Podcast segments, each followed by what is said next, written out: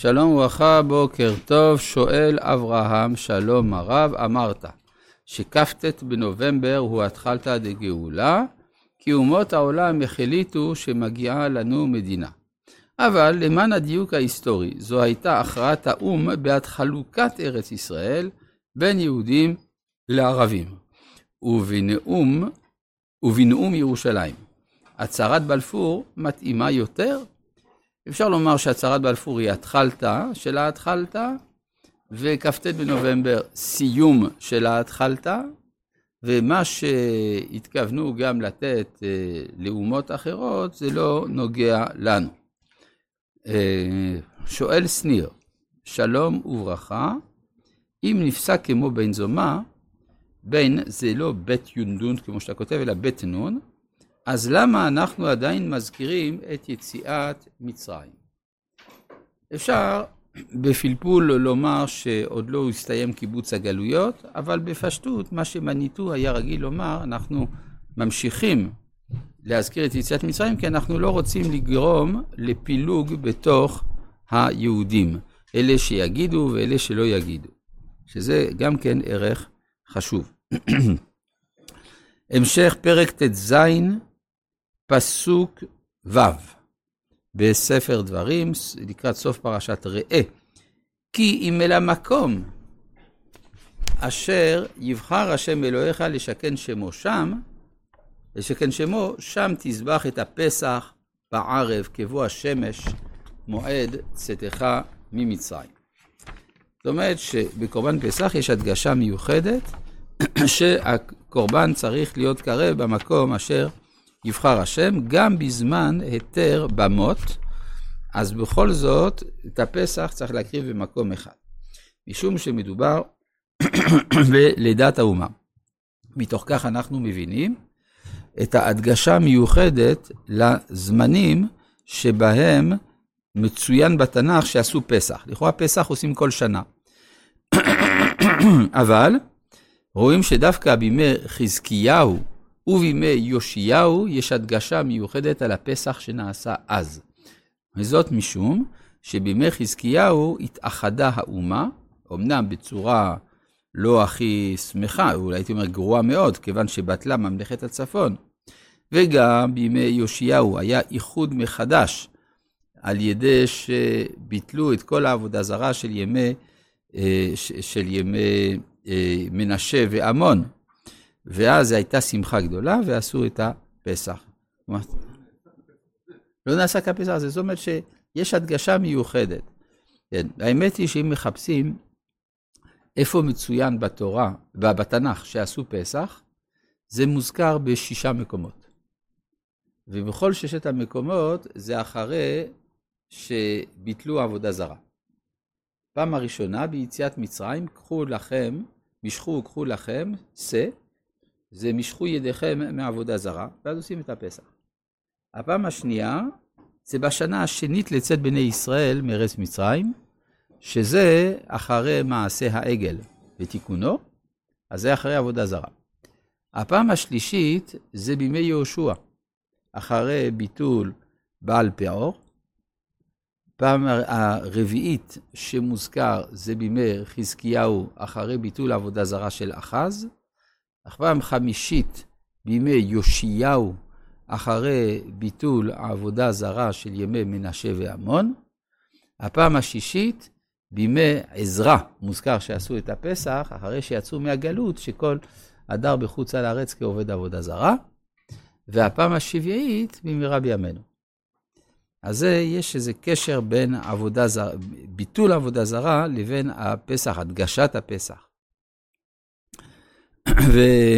ויש גם אה, שהפסח, כן כתוב, תזבח את הפסח בערב, כבוא השמש, מועד צאתך ממצרים.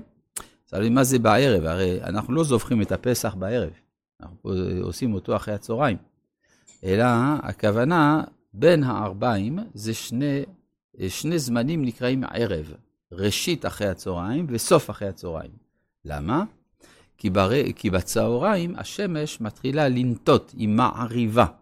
היא, היא נוטה אל החושך, וכאשר נכנס הלילה זה הערב השני. לכן אחרי הצהריים, נקרא בתורה בשם בין הערביים, בין שני ערבים. כן?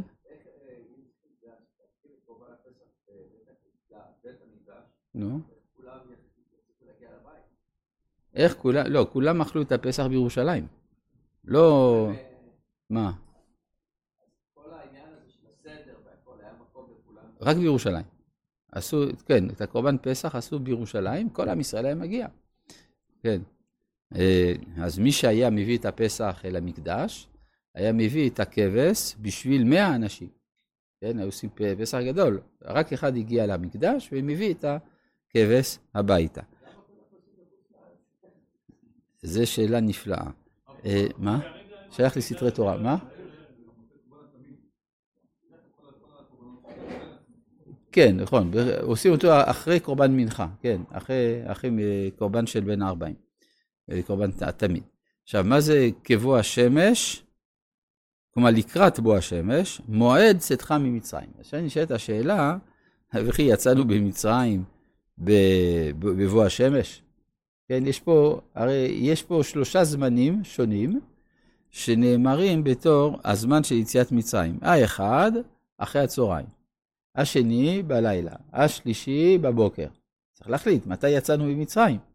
אז יצאנו כנראה בשלושה זמנים. האחד, בעצם שחיטת הקורבן זה כבר יציאה. פעם שנייה, כשפרעה בלילה אומר לצאת, זה יציאה שנייה. כאשר בבוקר בפועל יוצאים, זה היציאה השלישית. ולכן על שלושתם אומרים הלל. בזמן זביחת הקורבן, בזמן, אחרי הצהריים אומרים את ההלל. אגב, דבר מעניין, אנחנו אומרים הלל בבית הכנסת בליל, בליל פסח, ודעת המאירי שאת ההלל הזה צריך להגיד אחרי הצהריים, לא בערב. זה, זה אחר להלל שאומרים אה, על קורבן פסח. טוב, למעשה לא נהגו כך, אבל דעו לכם שיש דעה כזאת. מה? אז יש כאלה, בזמן אפיית המצות אומרים את ההלל. כן, זכר לקורבן. אגב, דת רבנו תם, שיוצאים ידי חובת מצה רק במצה שנעשתה אחרי הצהריים. כן, אה, אלא אם כן זה שבת, זה סיפור אחר. יצלח בעזר בערב, בשבט מועד צאתך ממצרים, ובישלת ואכלת במקום אשר יבחר השם אלוהיך בו. ופנית בוקר והלכת לאוהליך. מה זה לבשל? הרי אל תאכלו ממנו נע, ובשל מבושל במים, כי ימצא לי אש. איך, איך אתה מבשל? אז יש כמה אופנים להבין את זה. או שאתה מבשל את קורבן החגיגה, או שגם צלייה נקראת בישול. הרי מה שכתוב, בשל מבושל במים אסור, אבל מבושל באש, זה בסדר. מקום שיבחר השם אלוהיך. אבל אז למה בכל זאת הכתוב השתמש בביטוי לבשל ולא צלוי? זה כפי שאמרנו, זה אופייני לספר דברים שמדגיש את הצד של הרווחה, של השפע שיש בארץ ישראל, ואז בשר מבושל הוא יותר מתאים לסעודה גדולה. ששת ימים, עכשיו, הוא יבחר, מה? מה, גם בצלי מותר. מותר לעשות צלי, לא, לא, מה? מה, כן, בפסח כן, מותר. הרי זה בדיוק מה שעושים עם החרוסת, כן? היו אוכלים, עם, לפי דעת הראב"ד, שאכלו את הפסח עם המרור, ובמרור יש חרוסת, אז אתה מוסיף תבלין. כן, יש דעה אפילו שהחרוסת זה חריף. היום עושים חרוסת מתוקה, אבל יש גם דעה שיש חרוסת חריפה. אתה עושה את זה בתוך מצה רכה, כמו שהיה פעם, כן? לאפה. ואתה עושה בשר צלוי וחסה וחריף, זה יוצא לא רע. כן? טוב, ופנית בבוקר והלכת לאוהליך. איזה בוקר? בוקר שאחרי יום טוב. ששת ימים תאכל מצות, וביום השביעי עצרת להשם אלוהיך, לא תעשה מלאכה. אז למה ששת ימים ולא שבעה ימים? כי אם זה, ופנית בבוקר והלכת לאוהליך, כבר עבר יום אחד, יש לך עוד שישה ימים. וביום השביעי עצרת לשם אלוהיך לא תעשה מלאכה, לא כתוב בתורה מדוע, אבל כל אחד מבין שזה בגלל קריאת ים סוף שהייתה בשביל של פסח. כך שהרבה פעמים אנחנו רואים שהתורה אומרת דברים שאין צורך לפרש אותם, בגלל שהדור שקיבל את הדברים האלה ידע במה המדובר, וללא צורך שיהיה הדבר כתוב בתורה. רבי